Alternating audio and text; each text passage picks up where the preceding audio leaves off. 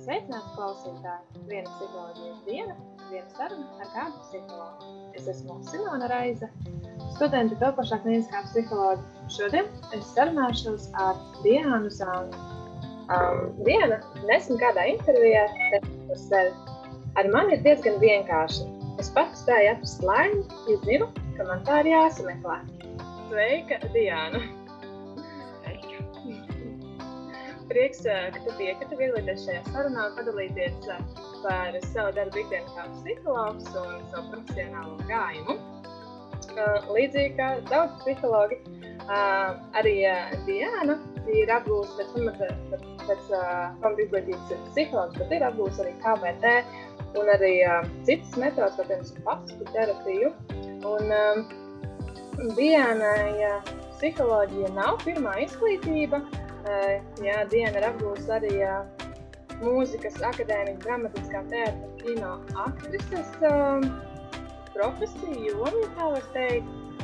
Un es jau esmu sākt sarunu to, kā Diana nonāca pie tā, ka tu gribi būt psihologs, atsauc lūdzu atmiņā pašus pirmos soļus, kurus tu spēri vai veic kaut kādas darbības, kas bija saistītas ar psiholoģiju, un kā tas ir noticis pie tā, ka tu kļūsi par psihologu. Uh, jā, sveiki visiem! Un, uh, tiešām man ir divas mākslas izglītības, uh, lietišķās mākslas vidusskola tajā laikā, un tur es beidzu tekstilu māksliniekus, un pēc tam iestājos to laika konservatorijā, un man ir maģistra grāts mākslā, bet šī pirmā profesija, lai gan man tur bija gan spējas, gan arī izdevās, kaut kādā veidā mani nepiesaistīja. Es darīju darbu, kurš man izdevās, bet kurā man īsti nebija klāts sirds. Un jau diezgan drīz pēc tam, kad es beidzu šo pirmo augstskolu, apmēram 30 gadu vecumā, es sāku domāt par to, ka man interesē uh, dziļāk izprast cilvēku psihiskos procesus, dziļāk izprast procesus starp cilvēkiem. Tātad psiholoģiju. Un es atceros, ka mana pirmā saskarsme ar psiholoģiju bija, kad man brālis iedeva Erika Berna grāmatu Cilvēki, kuri spēlē spēles, spēles, kur spēlē cilvēki. Tā bija krievu valodā izdota, un es to lasīju. Un patiešām aizrāvos un ieinteresējos. Un, uh, tad pavisam īsu brīdi pēc tam es uh, nokļuvu savā pirmajā psihoterapijā, uh, kur uh, man, protams, bija ārkārtīgi daudz atklājumu pašai par sevi, un es domāju, tas bija tāds grūdienis manā izaugsmē, tīri kā personībai. Un es arī sāku domāt par šo jomu, ka es gribētu strādāt, kļūt par psihologu. Bet bija situācija, kad viena aktrise, ar kuru tajā laikā mēs filmējāmies vienā seriālā, eh, viņa man teica, ka viņa ir iestājusies psihologos. Un es viņai teicu, es arī to gribētu. Un viņi man atbildēja, nevajag, tur ir drausmīgi grūti, tur ir baigā matemātika. un tā kā piektajā klasē matemātikā es biju nesekmīga, tad es šo te, uh, ka tur ir baigā matemātika, ņēmu vērā un uz vairākiem gadiem atliku ideju par psiholoģiju, kura atkal uzpeldēja. Tad, kad es gaidīju piekto bērnu, sapazinos ar eh, vienu klinisko psiholoģi, un viņa mācījās konsultēšanu, papildus, kā papildus izglītību. Mhm. Un pēc gada apmēram es aizgāju arī un sāku mācīties šo konsultēšanu. Tieši tātad tur bija daudz stundu, man ir gandrīz 700 stundas šīs konsultēšanas um, mācības. Un Pirmajā reizē, kad sākās mācības, mums prasīja, kāds ir mērķis šīm mācībām, es atbildēju, ka es gribu saprast, vai man šo vajag mācīties un studēt. Un es vēl nebiju beigusi šīs mācības, kad es zināju, ka jā, man ir jāstudē.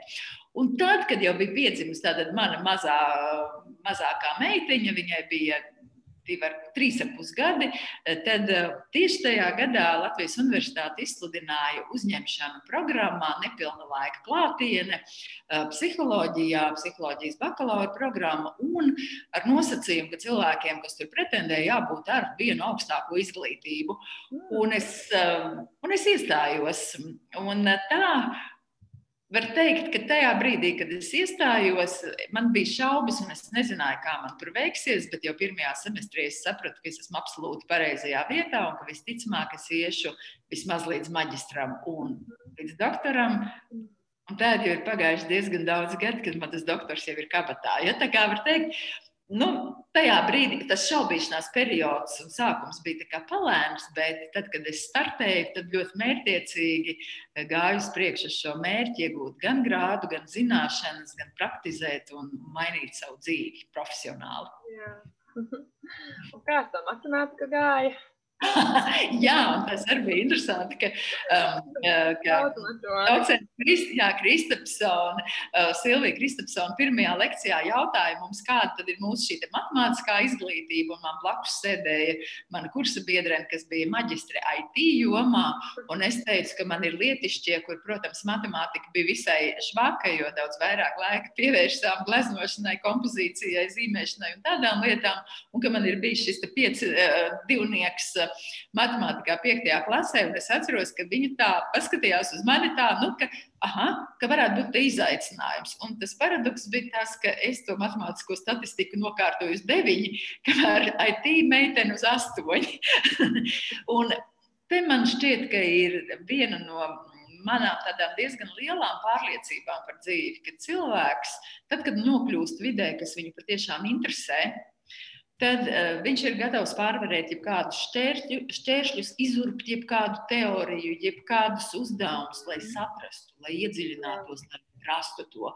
Un šobrīd var teikt, ka nu, jā, matemātika, matemātika noteikti nebūtu tas, kam būtu jābūt šķērslim, bet ir jābūt gatavībai urbt tajā matemātikā. Mm -hmm.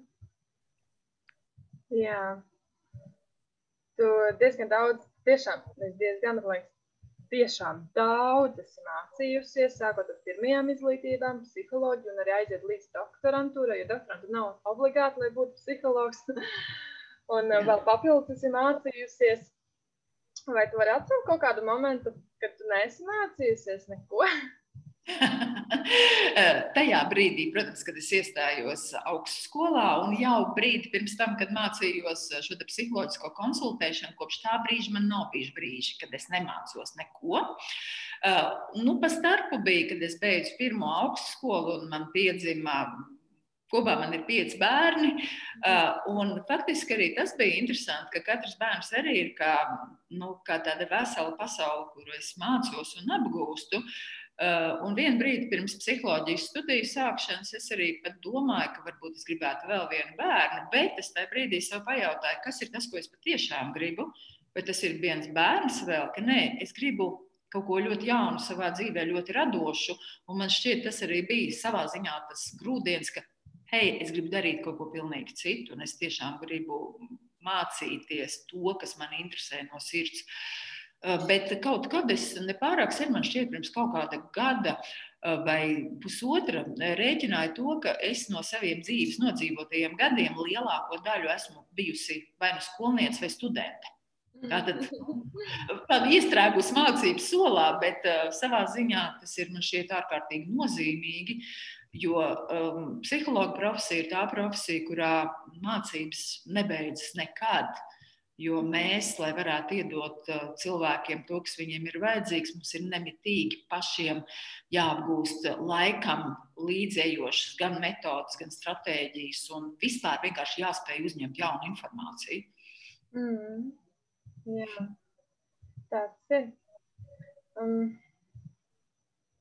vēlējos pajautāt, Jā, tad, kad es uh, sazinājos ar Diānu, es viņu uzzināju kā bērnu psihologs, jo man kaut kādā ziņā neskatēja tieši uh, vārds Diāna saistījās ar bērniem, tad uh, Diāna man pastāstīja, ka uh, viņa vispār strādā ar, ar vecākiem un pieaugušajiem un vispār pāriem.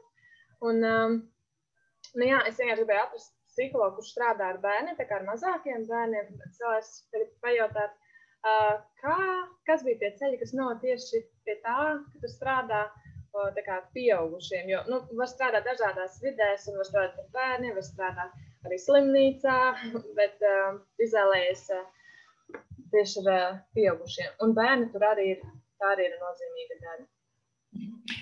Protams, studējot klinisko psiholoģiju, dažādos teorētiskajos priekšmetos un arī praksēs, psihologam, šim studentam ir jāpieredz prakse visdažādākajās jomās. Gan tas var būt ar bērniem strādājot un veicot šo izpētu un atzinumus, rakstot, gan arī ar pieaugušajiem un, un varbūt sirmgalviem. Un laika gaitā, jo, protams, tā kā rodas tā izjūta par to jomu vai tiem, to klientu grupu, kura man ir vistuvākā. Un beidzot, universitāti, var teikt, ka man dzīvē ir daudz interešu. Un es teicu, ka man interesē ārkārtīgi gan konsultēšana, un tikpat man interesē izpēte, un man interesē gan veci cilvēki un, un smagie jautājumi par nāvi, un kā palīdzēt cilvēkiem šajā dzīves periodā. Un tikpat man aizrauja piedzimšana un viss, kas kas ir saistīts ar um, bērnu un viņa augšanu. Un tad sākuma gados es arī strādāju ar klientiem, kas bija, protams, nu, ļoti plaša amplitūda, bērni un pieaugušie, un arī apguvu smilšu bilžu spēļu terapiju un to pašu pasaku terapiju un daudzas vēl citas tās mazās jomas, kuras mēs mācāmies bērnu emocionālās audzināšanas grupu vadītāju visu, visu komplektu. Uh, bet, uh, un ļoti arī labprāt strādāju ar bērniem, bet laikam ejot un klientu lokam kļūstot plašākam, vienā brīdī nāks atzīt, ka kvalitāte var pieaugt tad, ja tomēr mē, nu, es savu spēkus un uzmanību koncentrēju vairāk uz vienu noteiktu grupu. Tas nozīmē, ka kāda cita grupa man tomēr ir jāizslēdz no tās savas aktīvās darbības. Un tad tieši praksē mm, es nolēmu, ka tieši bērni un pusauģi varbūt ir tā grupa, ar kuriem es nestrādāšu, jo uh, es ļoti daudz strādāju ar pāriem tieši kognitīvi behaviorālajā terapijā, ja mēs domājam par to konsultatīvo daļu. Ja? Un, uh, Un tā kā mm, šo te terapeitu, kas strādā ar pāriem, ir daudz, daudz, daudz mazāk Latvijā nekā to, kas strādā ar bērniem, tad es domāju, ka tā ir sekmīga izvēle. Un, eh, un man, protams, ir kolēģi, pie kuriem es alaži nosūtu bērnus. Ja?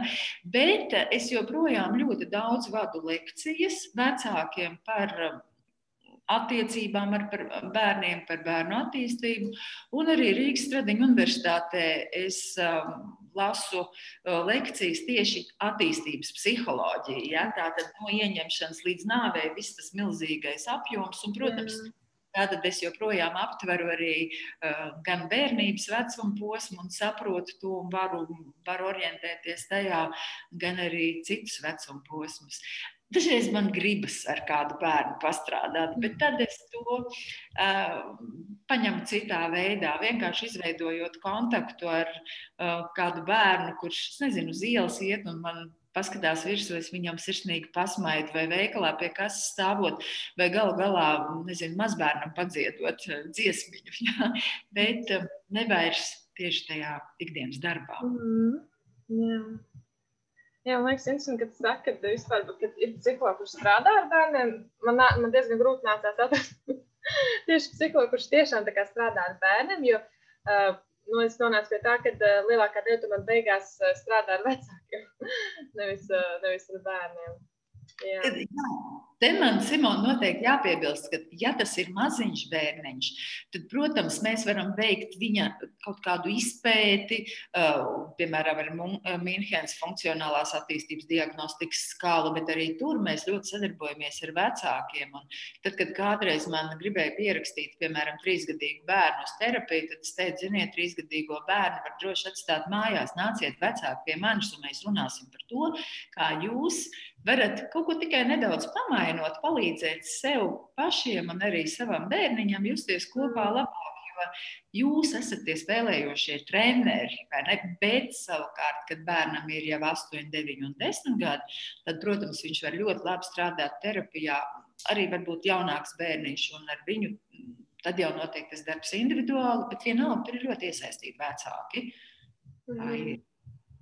Jā, nu jā, tāpēc man nesnāca atrast psihologu, kurš strādā ar bērnu. jā. Um, jā, tur varētu pajautāt, um, kad es vispār gribu pajautāt citu jautājumu. Um, to es izgāju arī vai, gan smilšu spēļu terapiju, gan kognitīvu behaviorālo terapiju. Kā tu sevi identificē kā speciālistu, kā psihologu vai kā psihoterapeitu? Kas ir tas, kā, kā tu sevi sajūti? Oh, atkal, ja es domāju, tie pasniedzēji, kas man atceras no augstskolas, un es domāju, arī mani kolēģi zina, ka manis ir daudz. Ja? Jo man ir daudz interešu, man ir, es esmu arī diezgan tāda uh, jaudīga Un man interesē joprojām dažādas jomas, un tad, kad man lūdz uh, sevi definēt, es arī saku, ka es esmu psiholoģija un kognitīva behaviorālā psihoterapeite. Uh, un es ikdienā uh, patiešām integrēju šīs abas darbības tādēļ, ka kaut vai tad, kad es strādāju ar klientiem, konsultējot teiksim, šajā terapijas procesā, es pilnīgi visus klientus izvērtēju. Es izvērtēju, veidu šo izvērtēšanu. Es nerakstu varbūt atzinumu par viņu, jo tas nav pieprasīts. Bet es veicu šo emocionālās sfēras izvērtēšanu tādēļ, lai saprastu um, nu, daudz svarīgus jautājumus par viņu, kas palīdz strādāt labāk terapijā.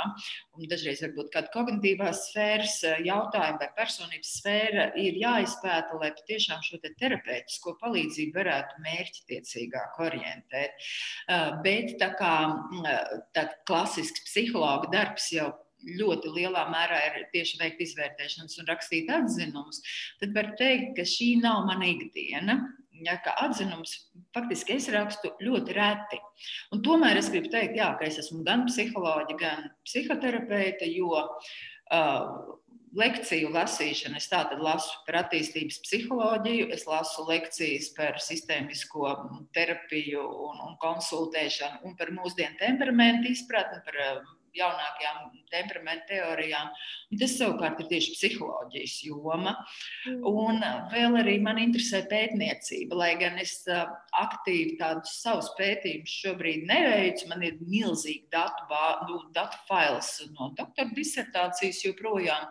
Un um, ar tiem datiem, kas attiecas uz mazuļa zīdaiņa temperamentu, šie dati ir iekļau, iekļauti Global Temperament Project, tādā milzīgā vispasaules projektā, kur savukārt Amerikas vadošie pētnieki šo visu komplektu kūrē un veido šos starpkultūru temperamentu pētījumus. Tā kā var teikt, ka pat aktīvi pašai nesot um, šajā pētniecības nozarē līdz ausīm iekšā un rēķinot veidojot pētījumu dizainus, tad šie mani ievāktie dati mm, strādā paši jau par sevi un turpina nest pienesumu mūsdienu izpratnē par mazuļu temperamentu attīstību. Mm -hmm. Esmu, esmu, esmu, esmu dažādās, dažādās vietās, var teikt. Jā. Jā. Kas bija tas, tas moments vai pamudinājums, ka ir nepieciešams apgūt vēl kādu metodi? Šo ir, protams, domas, kuras laikā tā mainās mums, jo mēs augam, attīstāmies, un arī man tādas ir pietiekami daudz. Jā. Bet doma par to, ka vienkārši iegūt maģistra grādu uh, un strādāt ar klientiem, ar tām zināšanām, kuras iegūst uh, augstskolā, uh, ir par maz. Tā, šī doma jau man bija skaidra ļoti ātri, un var teikt, ka te arī palīdzēja tas, ka pirms es uzsāku akadēmisko izglītību, es mācījos šajā lielajā te, nu, psiholoģiskās konsultēšanas eh, mācību programmā. Un, eh, Tas nozīmē, ka es vienkārši visu laiku sapratu, ka man ir ļoti daudz jāmācās un jāzina, jo viena lieta, ka es varu iemācīties universitātē ļoti labi veikt šīs izpētes, un, protams, supervizoru um, atbalstīta tās šīs prasmes uztrenēt. Tad otra lieta, jebkurš, um, jebkurš kontakts ar klientu uh, prasa konsultēšanas prasmes, uh, spēju saprast arī šos jautājumus. Un, uh, ja es gribu tieši ļoti daudz strādāt kā terapeite, ja tādu šo konsultējošo aspektu izmantot savā dzīvē, tad bez papildus mācībām vienkārši es varu iedot minimumu. Dažreiz ar to ir pilnīgi pietiekami. Mhm. Noteikti. Jā, ir situācijas, kurās pietiek ar tādu prasmīgu konsultantu, maģistra grādu līmenī, bet lielākoties, sevišķi strādājot ilgāku laiku, mēs sastopamies ar arvien sarežģītākām problēmām, kur ir vajadzīgas jaunas zināšanas, lai šīs problēmas labāk izprastu. Uh, un tāpēc, tāpēc ir jāmācās, un tāpēc es mācos. Un arī, protams, šobrīd varbūt es savas mācības vairāk fokusēju tieši uz pāra terapiju. Jo es esmu arī kognitīvi behaviorālajā terapijā. Mēs esam deviņi supervizori Latvijā, pāraugi. Ja, tad es esmu viena no viņiem. Bet es vairāk eju tieši uz šo pāru terapijas prasmju attīstīšanu un izkopšanu, un, var teikt, tā kā specializējos tur, bet tik pa brītiņām. Vēl, protams, piemēram, tagad no pirmdienas līdz trešdienai mācīšos attālināt Igaunijā dialektisku behaviorālo terapiju. Ja? Un, un tas ir tā tāds, tas ir tagad dzīvesveids, var teikt, mhm. mācīt. Jā. Jā. Mēs varam panākt par to, ka um, kādai vispār es, nu jā, tas ir jautājums tieši kā psihologam, kognitīvi behaviorāliem terapeitam, kurš strādā ar pāriem, kādēļ sabiedrībai būtiski vispār strādāt ar šo te, mm, teiksim, klientu grupu. Mm -hmm. um, nu, mēs nerodamies no zila gaisa, vai ne? Mēs piedzimstam saviem vecākiem. Vienalga, vai mēs viņus atceramies, uh, un viņi ir ar mums kopā līdz šim, vai viņi ir varbūt uh, nav bijuši klātesoši, vai viens no viņiem nav bijis klātesošs. Mēs nākam no no pāra. Pāris rada bērnu, un optimālā gadījumā, protams, pāris izveido savas attiecības, tās attiecības ir nobriedušas ar laiku, un tad nobriedušajās attiecībās ienāk bērns. Pāri nolēmja, ka ir laiks bērnam, ka viņi var dot, bet uh, lielākā daļā situācija tomēr tā nav, un es arī neesmu nekāds izņēmums. Man pirmais bērns piedzima 20 gados, ja? un es domāju, ka mans paudzes cilvēkiem tā lielākoties arī bija šie studenti bērni, un tad mēs tur kā mācījām, tā māvām tajās ģimenēs. Un, un, protams, gan šķīrāmies, gan, gan mīlējām, gan mīdām. Gan, nu, un, Tas viss notiek arī tagad. Un, tā problēma pamatā jau ir tā, ka viens mēs tomēr kā cilvēki mm, ļoti bieži pārmantojam un turpinam to modeli, kas ir mums pazīstams, varbūt pat nepatīkams, bet pazīstams. Ja var teikt, tā kā upe, pa kuru es esmu plūdusi visu mūžu, man nav pamata to pēkšņi kaut kā mainīt, vienu tādu pļavu upi uz kalnu upi, vai ne? Un savukārt mans partneris. Viņš arī ir plūcis pa savu normalitāti, vai ne?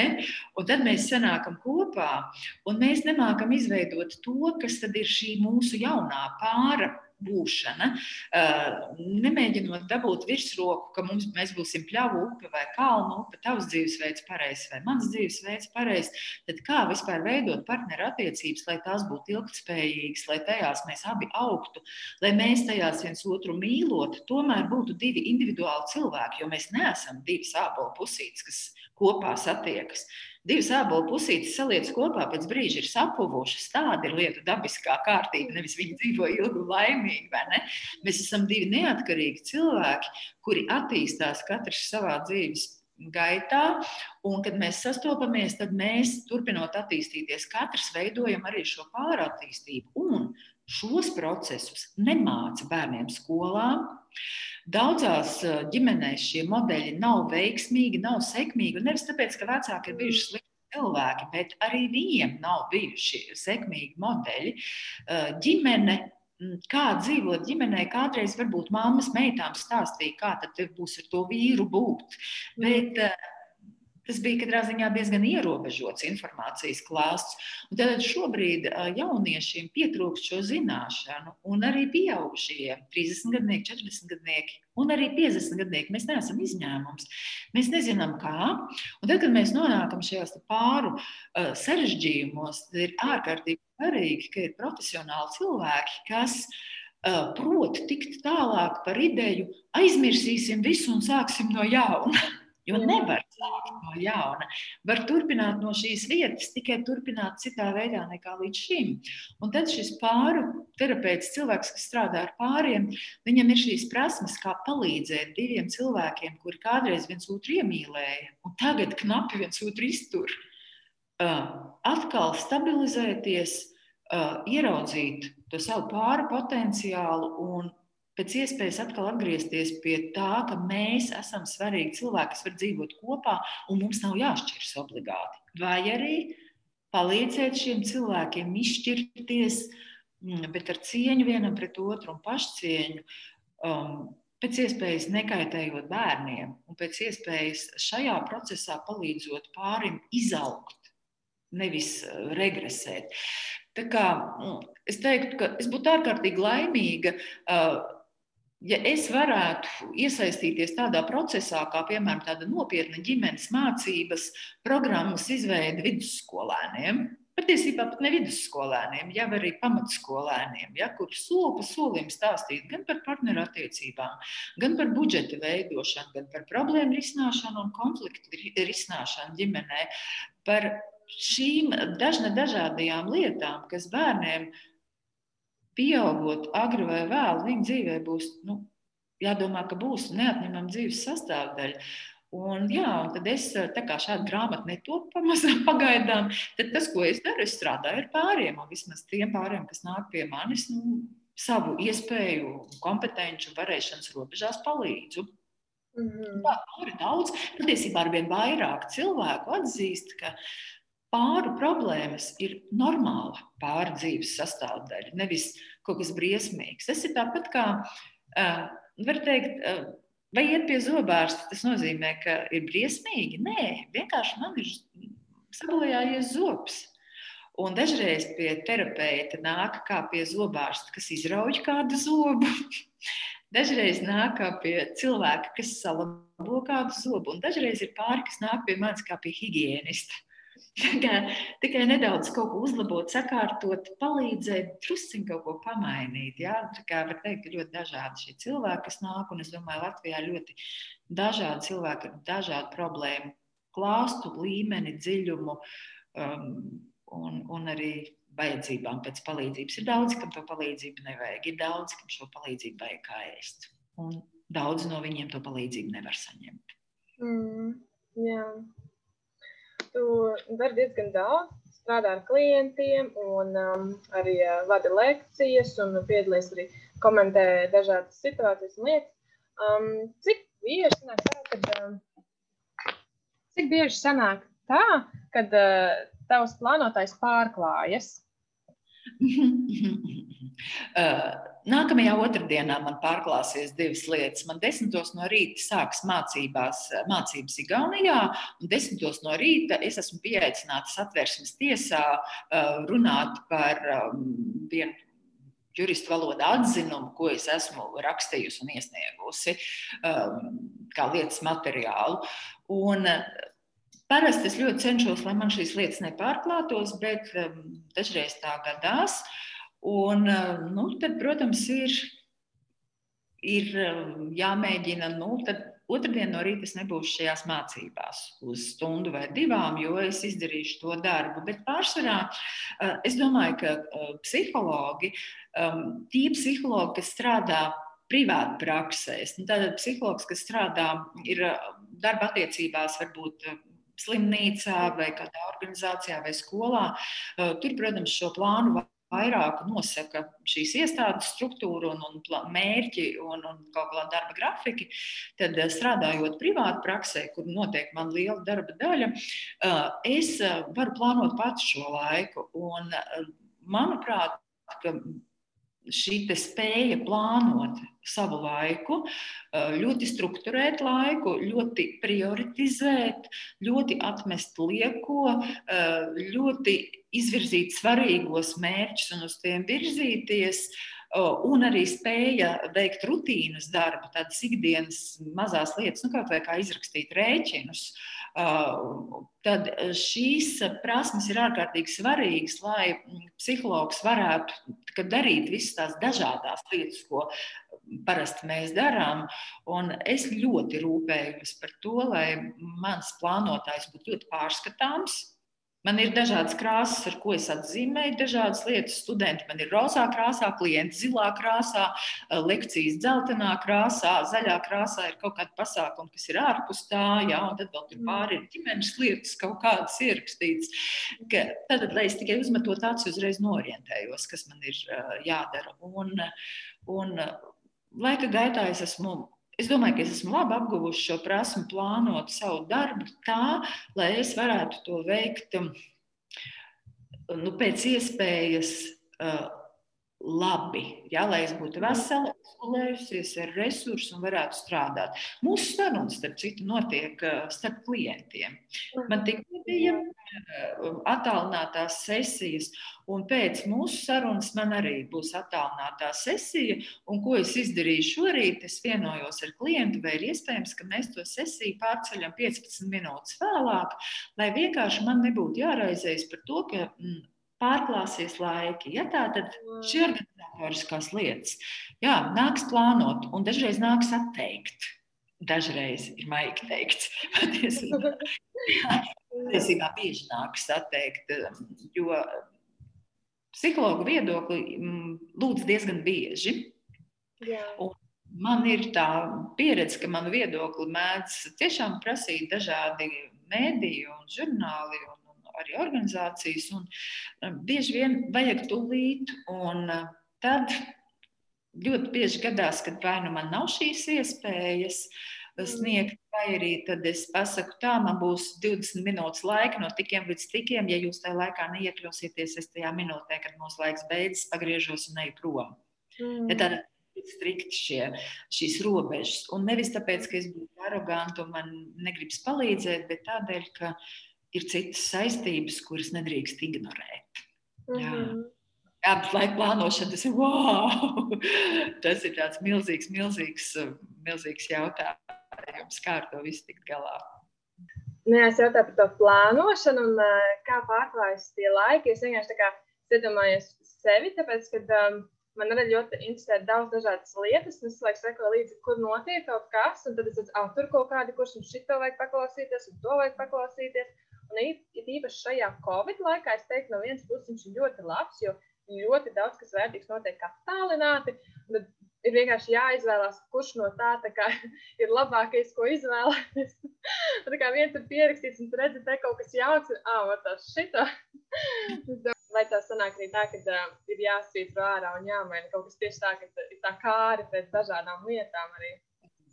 Jā, un uh, tā ir Tā kā es esmu jau pieradusi mācīties attālināti, es jau vairāk nekā gadu mācos Amerikā attālināti.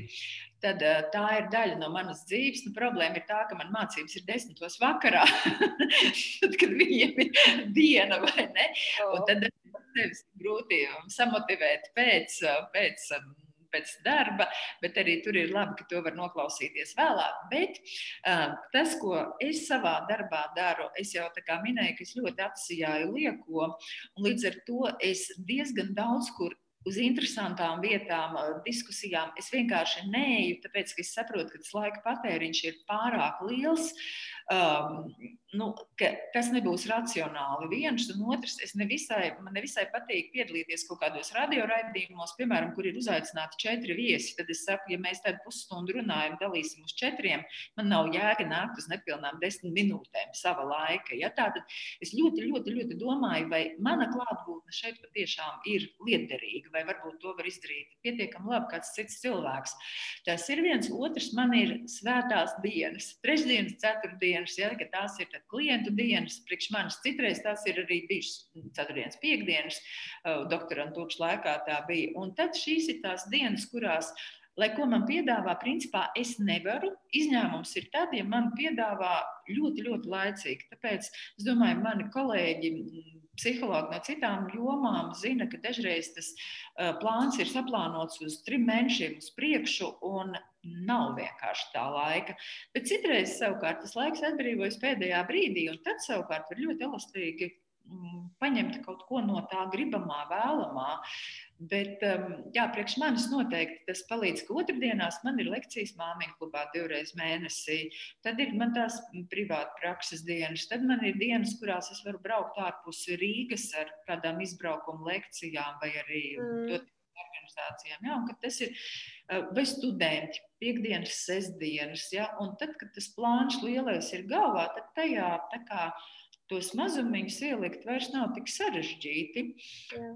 Un, un vēl man, priekš manis tas plāns tik strikts ir arī tādēļ, ka man ir ļoti svarīgi, un es domāju, ka to ir svarīgi uzsvērt, ka dažreiz klients saka, bet psihologs dārgi maksā. Un es to saprotu, ka psihologs patiešām psihologa pakalpojumu dārgi maksā un kognitīva behaviorālā terapija dārgi maksā. Bet tad es arī Alaši paskaidroju, ka mēs ļoti daudzus gadus mācāmies, un šī izglītība ir dārga dārga, un mēs turpinām ieguldīt savu naudu, savus līdzekļus šajā izglītībā. Tas ir viens. Kāpēc maksā šie procesi dārgi? Otrs, kliniskais psihologs, lai viņš varētu veselīgi strādāt ar klientiem un arī lekcijās un citur, nu, pēc būtības nedrīkst strādāt ar klientiem 30, 40 stundas nedēļā. Tas ir skaidrs, ka šī darbība būs nekvalitatīva. Nevis nebūs kvalitatīva, bet būs nekvalitatīva. Un tādēļ man ir izveidojies tāds, tāds plā, ritms. Nevienmēr tas izdodas ideāli, un tas nav mans mērķis, bet ritms, ka vasarā es strādāju caurmērā divas dienas nedēļā, un piecas dienas es atpūšos. Tad es ļoti krāju spēkus. Un ziemā uh, bieži vien es strādāju optimālajā gadījumā četras dienas, bet dažreiz 12 stundu dienu, mhm. garas stundas, un dažreiz tās 5 dienas. Ja tā tad šo trīs dienu kā, atgūšanos, trīs dienu, nevis pat brīvdienas, bet dienas bez kontakta. Ja, dienas bez cilvēkiem, jo šī ir profesija, kurā vai veicot izpēti, vai strādājot ar klientu, tajā prakses telpā ir ārkārtīga koncentrēšanās uz šo vienu cilvēku, uz šo brīdi. Vienlaikus jāpaturprātā ārkārtīgi milzīgs informācijas masīvs no iepriekšējā visa. Tas jāspēj analizēt, jāspēj pieņemt lēmumu, izvērtēt, kāda darbība būs nākamā. Tur ir ļoti, ļoti daudz tādu kognitīvie procesi, jāveic līdzvērt. Nu, vienlaicīgus. Un tad ir ļoti svarīgi, vai es kā profesionāls to varu, vai es esmu gan atpūtusies, vai es varu to iedot tam cilvēkam. Jā, un tādēļ arī ir dažreiz tiešām pie terapeitiem jāstāv lielās rindās, jo vienkārši nu, nevar strādāt visu laiku. Ne? Ir jāatgūstas. Jā. Kas ir tas, ko tu gribētu, lai cilvēki zina par, par tavu profesiju, par tavu darbu ikdienu, kas cilvēkiem būtu jāzina. Mm -hmm. es domāju, ka cilvēkiem būtu jāzina tas, ka, un te es laikam varētu vispārināt drusciņi, nevis tikai es tieši Diāna Zanda, bet vispār, ka psihologs, uh, psihologs nav palīdzētājs, kuram var tā uzdot jautājumu, mans bērns neguļ, ko darīt mm -hmm. internetā. Šādi tas nenotiek. Jā. Ja, šādi tas nenotiek. Tas ir nevis mūsu hobijs, bet mūsu darbs.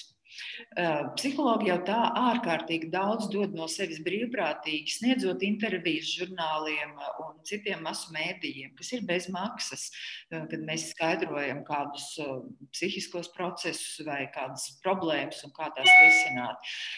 Kad mēs piedalāmies kādos raidījumos, tas ir tieši tāpat. Ja tātad mēs neesam labdarības organizācija, ja, kurš tāpēc, ka nekā cita nav ko darīt, visus grib aplaimot. Tātad pret psihologu ir jāizturas tieši ar tādu pašcieņu, kā mēs izturētos pret jebkuru citu speciālistu. Vai mēs kāds varam iztēloties, ka mēs varam piezvanīt uz autoservisu desmitos naktī un teikt, ej, man klau, man kaut kas klab, un man vajag tad fiksi salabot to. Kā man, kas man jādara, lai neklap? Nu, mēs to nedarām. Un mēs saprotam, ka servis maksā naudu. Tā tad šī ir lieta, ko es gribētu, lai cilvēki labāk saprotu, ka psihologam eksistē darba laiks un, uh, un ka viņš nav vienmēr pieejams. Un ka viņš dažreiz saka, nē. Uh, nākamais, ko es noteikti gribētu teikt, ka psihologs ir normāls dzīves cilvēks. Tas nenozīmē, ka viņš savu dzīvi dzīvo ideāli. Viņš dzīvo savu dzīvi tāpat kā pārējie. Es kādreiz vecākiem lekcijās saku, tā bērnu audzināšanā es tāpat pieļauju milzumu daudz kļūdas. Tikai mana profesionālā joma ļauj man šīs kļūdas daudz ātrāk un daudz skaudrāk apzināties un daudz vairāk sev vainot par to, jo man taču vajadzēja to zināt. Ja?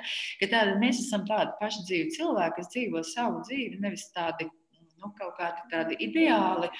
Un uh, ka mums arī nav rentgena. Un mums arī nav tādas nemitīgas intereses par citu cilvēku dzīvēm. Tātad, ja mēs kaut kur parādāmies kādā sabiedriskā vietā, tas nenozīmē, ka mēs baigi tagad sākam vērot, kā nu kurš tur uzvedas un šausmīgos slēdzienus par to taisam. Un mēs nevaram pateikt par cilvēku kāds viņš ir pēc tā, kāda ir viņa rokas somiņa, pēc tā, kas viņam ir mugurā, vai viņš valkā košas apģērbs vai nē. Mēs nedodam šādus padomus. Ja? Mm. Un ka psihologs, ja cilvēks ir nolēmis doties pie psihologa, tas nozīmē, ka cilvēks ir nolēmis uzņemties atbildību pats par savu dzīvi un ir gatavs strādāt. Atšķirībā no dažādām ezotēriskām praksēm, kur cilvēks aiziet pie guru un guru viņam pasaka, kā tev tagad būs būt. Ja? Tad mēs liekam cilvēkam strādāt, bet mēs palīdzam viņam to darīt. Mēs esam blakus un mēs rosinām šī cilvēka izaugsmi, lai viņš varētu dzīvot veselīgāk, funkcionēt jaudīgāk, ja, lai viņš var piepildīt savu potenciālu. Laikam tas ir tas, ko es gribu gribētu pateikt, tiešām, jā, un vēl es gribētu pateikt par mūsu profesiju cilvēkiem, ka izmantojiet to resursu, ko var iedot mūsu profesijas pārstāvji. Un ka nākt pie psihologa nekādā gadījumā nav vājuma pazīme. Nākt pie psihologa tā ir atbildības pazīme, tā ir brieduma pazīme, tā ir problēma risināšanas spēju pazīme. Tas ir, um, tas ir visu, tiešām visu cieņu jebkuram cilvēkam, kurš saka, ka nu, šobrīd ir vajadzīga palīdzība, jo es pats ar saviem resursiem vairs netieku galā. Tā kā es tiešām gribu iedrošināt gan izmantot mūsu pakalpojumus, un meklēt, un arī zināt, ka ir gan daudz brīv, tādu brīvu pieeju, nu, šo brīvo resursu, bezmaksas resursu, un, un, un jā, tā kā vairāk, vairāk nākt, izmantot, bet arī saprast, ka mēs eh, nestrādājam pa velti un ka mēs esam dzīvi cilvēki, kam dažreiz ir arī brīvdienas. uh, mums tā, nedaudz laiks ir palicis. Es ceru, ka sanāks um, um, atbildēt. Būs iespēja visiem um, trim apgalvojumiem nokomentēt, bet uh, es esmu atlasījis tādus komentārus. Um, no un visādām grupām par psihologiem sadalījis trīs grupās. Ir par psihologa profesiju, filozofiski un skeptiski. Un, uh, tu vari katreiz izvēlēties, no kuras kolonas tu vēlēsies šo apgalvojumu komentēt. Mm. Uh, ar kuru kolonu tu vēlētos sākt? Oh, es esmu skeptiķe. Sāksim ar to. Droši vien arī no vienas kolonas ņemt. ja grib, nav tā kā obligāti, ka no 1, 2, 3. Kā... Mēs, varam no visām tieši tāpēc, ka noteikti tās manas atbildes varētu būt dažādas. Un šeit var izvēlēties no 1 līdz, um, līdz 13. Nezinu, lai nebūtu viens.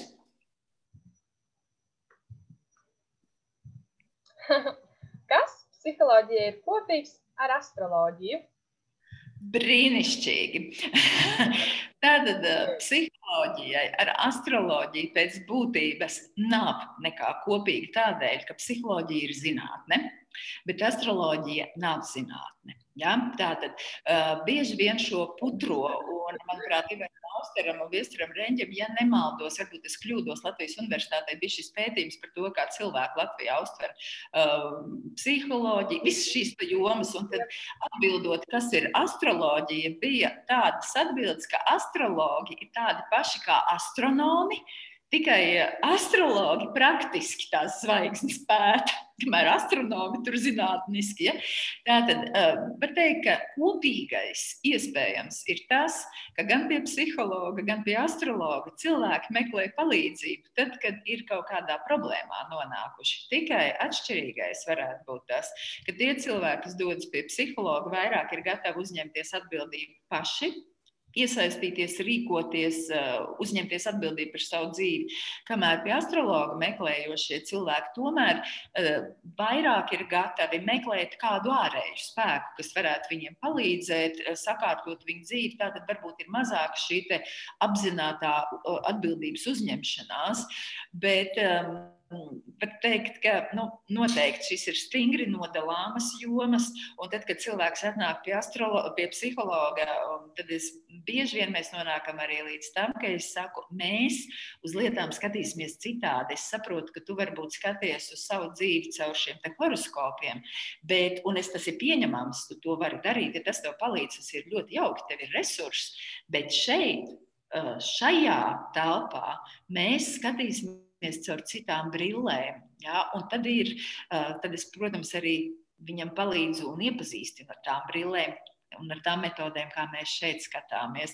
Bet noteikti, noteikti tāda psiholoģija nav ezotērika, psiholoģija nav papļāpāšana, psiholoģija nav ne karšu lasīšana, ne tipu noteikšana, ne birku piekāršana. Ja, tā ir vēlreiz un vēlreiz uzsver zinātne, kura pamatojas izpētē, faktos, to pārbaudē un pārbaudītu metožu izmantošanā. Nemitīgi pārbaudot, vai šīs metodas joprojām darbojas, un ja kāda metode nedarbojas, tad meklējot citas zinātniski pamatotas metodas, kuras var darboties. Ja? Mm -hmm. Brīnišķīgi jautājums, vai? Papildus vēl tika atbildēt arī vēl visi citi uh, oh. apgalvojumi. Jā, skatīsimies, kas būs nākošajā. Kur, kur vēl izvēlēties nākošo kolonu? Kura bija pirmā kolona? Par profesiju psihologa. Jā, par profesiju brīnišķīgi. Tur nav daudz izvēles, viens vai divi. Tad varbūt divi. um, man gribēs pats, ka viens būs divi. Labi. Um, un šeit tā ideja tāda. Um, pastāstīt, ar ko tu pēc uh, izglītības esi klīniskais psihologs, ar ko mm, klīniskais psihologs atšķirās ar organizācijas psiholoģiju? Tātad klīniskie psihologi strādā Eh, slimnīcās, um, dārzniecības iestādēs, organizācijās, skolās, bērnu dārzos, uh, privāti praksēs, dažādās vietās. Viņu pamatu uzdevumi ir vispirms klīniskie psihologi veids psiholoģisko izpēti un pēta cilvēku emocionālo, kognitīvo, personības iezīmi. Viņi spēja veikt šīs izpētes un raksta atzinumu. Tātad viņi izpēta individu un strādā sadarbībā gan ar tiesām, bāriņtiesām, bieži vien, gan ar citām organizācijām, skolām, pēc pieprasījuma veicot šīs izpētes gan bērniem, gan veciem cilvēkiem un pieaugušajiem un rakstot šos atzinumus. Savukārt, organizācijā psihologi arī, protams, var veikt šīs izpētes, bet tas vairāk ir. Uh, Tas nav klīniskās. Tātad šeit neveic emocionālās jomas un, un varbūt personības jomas izpēti ar mērķi palīdzēt uzlabot, vispirms saprast, kādas problēmas cilvēkam ir un pēc tam palīdzēt tās mm. risināt. Bet tātad strādājot organizācijā, vairāk organizāciju psihologi, protams, nodarbojas ar šī te, uh, organizācijas izpēti, grupu izpēti, procesu izpēti un, protams, arī profesionāla atlasē un dažādos uzdevumos, kas ir saistīti ar personālu, veids pētījums iekšējos. Tad klīniskais, var teikt, ir vairāk saistīts tieši ar šo emocionālo veselību. Bieži vien strādā arī psihiatrijā, psihiskajās psihi, klīnikās, ja, un ir ļoti svarīgs arī ārstu atbalsts, jo bieži vien tieši psihologs veic izpēti, un uz tās pamata ārsts var labāk veikt diagnozi vai arī pieņemt lēmumus par vienu vai otru ārstniecības stratēģijas izmantošanu. Nu, un vēl daudz, daudz, daudz citu sīko nianšu, bet es domāju, ka tas ir tas, tas būtiskais. Jā. Mm -hmm. jā. Um, ņemot vērā to, ka mums palikuši tikai septiņas minūtes, Um, nu jā, es laikam tomēr to trešo apgalvojumu mm, nedošu iespēju izvēlēties, bet gribu pajautāt pēdējo jautājumu. nu, tāpēc, ka vēl beigās man ir vēl, man īstenībā tā kā ir vēl, vēl divi jautājumi. Laiks spējas pārniem, jā. Laižam pāri. Šito laižam, jā? Jā, laižam pāri. Jā, es gribēju pajautāt, eh, kā tev gāja eh, šajā te, eh, kā, Covid laikā? Mm -hmm. uh. Nu, es esmu gandrīz tādu tā mantru jau sagatavojis, tādu blurbu, ja, ko es saku, ka patiesībā tas dzīvesveids, kādu es ikdienā ārpus darba piekopju, jau daudzus gadus, vairākus gadus, tas beidzot ir kļuvis tā kā ieteicams sabiedrībā. Respektīvi, mans dzīvesveids nekā īpaši nav mainījies, jo es vai nu strādāju, vai brīvajā laikā esmu laukos, kur es dzīvoju, un ļoti daudz atpūšos pie dabas, varbūt lasu, vai arī varbūt strādāju laukos, kādus rakstu darbus veicot, bet esmu prom no pilsētas pilsētas, esmu prom no lieliem pasākumiem, jo, kā jau es teicu, lai varētu tā veselīgi atgūties pēc, pēc darba, ir vai nedrīkst pārstrādāties, un ja man darbā ir ļoti daudz šo kontaktu, tad man atpūta ir būt vienai. Un es teiktu, ka uh, Covid ietekmēja varbūt tā, ka man bija mazāk lekcijas, kas bija saplānotas, varbūt Latvijā tas bija pavasarī, bet nu, rudenī atkal tas atgriežas. Un Covid ir ietekmējis vienu vienīgu tādu ļoti nozīmīgu personiskas dzīves jomu. Mēs ar savu partneri esam kopā 25 gadus, un mēs bijām nolēmuši šovasar uztaisīt pamatīgas kāzas. Un Covidam sākoties, mēs sapratām, ka mēs balvu negribam atcelt. Un tad mēs nolēmām pārcelsim kāzas uz nākamo gadu, bet citādi nekas nav mainījies. Var teikt, ja nu, dzīve ir tāpat, un to es noteikti gribu teikt, ka, manuprāt, dzīvē pārmaiņas arī nepatīkamas ir nepatīkama, bet normalitāte. Un ir svarīgi pielāgoties savu iespēju robežai un dzīvot vienalga, vai šobrīd ir covid vai nē, vai ir kādi citi sarežģījumi. Un, līdz ar to es nevaru teikt, ka man dzīve būtu kaut kā mainījusies, jo es no dzīves neesmu gaidījusi tikai priecīgās dienas. Es zinu, ka būs arī, arī tādi covid. Jā. Jā. Jā, un tiešām labi, labi sagatavojusies visiem dzīves apstākļiem. un eh, tad pats noslēdzošais mums jautājums ir tāds, ka eh, vai psihologam ir viegli būt? Mm. Es nedomāju, ka ir kāda profesija, kurā ir viegli būt. Tad, ja šī profesija cilvēku šis darbs patiešām interesē, aizrauj un patīk, tad vienmēr ir šajā profesijā kādi izaicinājumi, kurus gribas, uz kuriem gribas tiekties, un kuri rada varbūt kādus sarežģījumus, bet tie ir tādi sarežģījumi, kurus mēs paši vēlamies. Ja? Es gribu augt savā profesijā.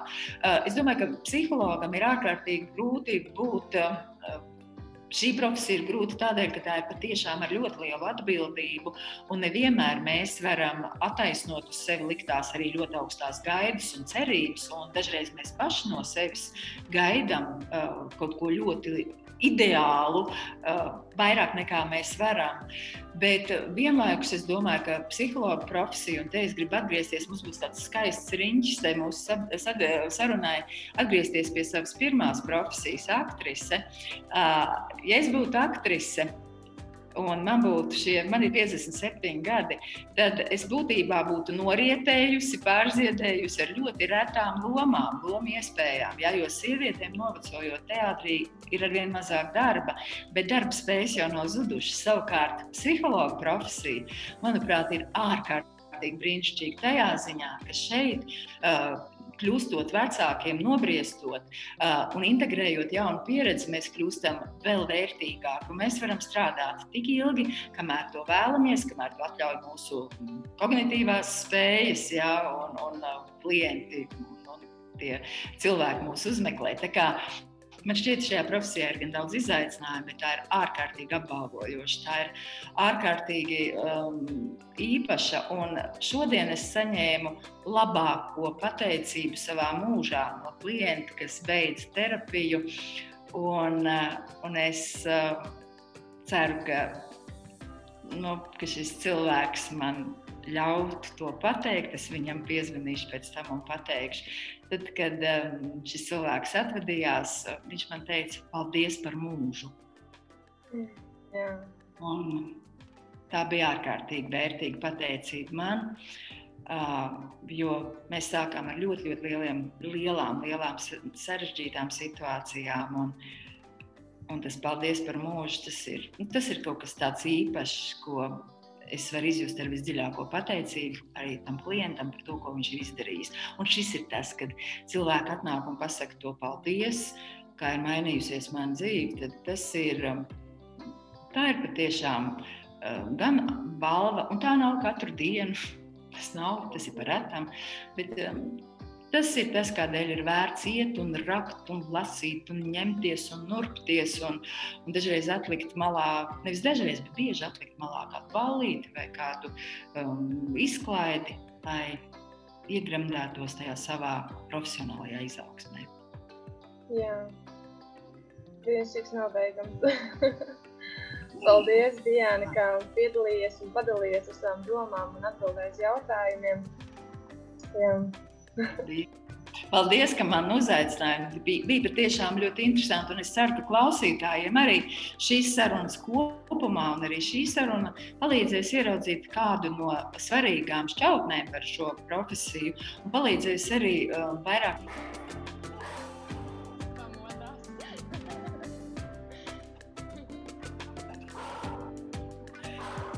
palīdzēs labāk izprast to, ko mēs darām. Sei lá.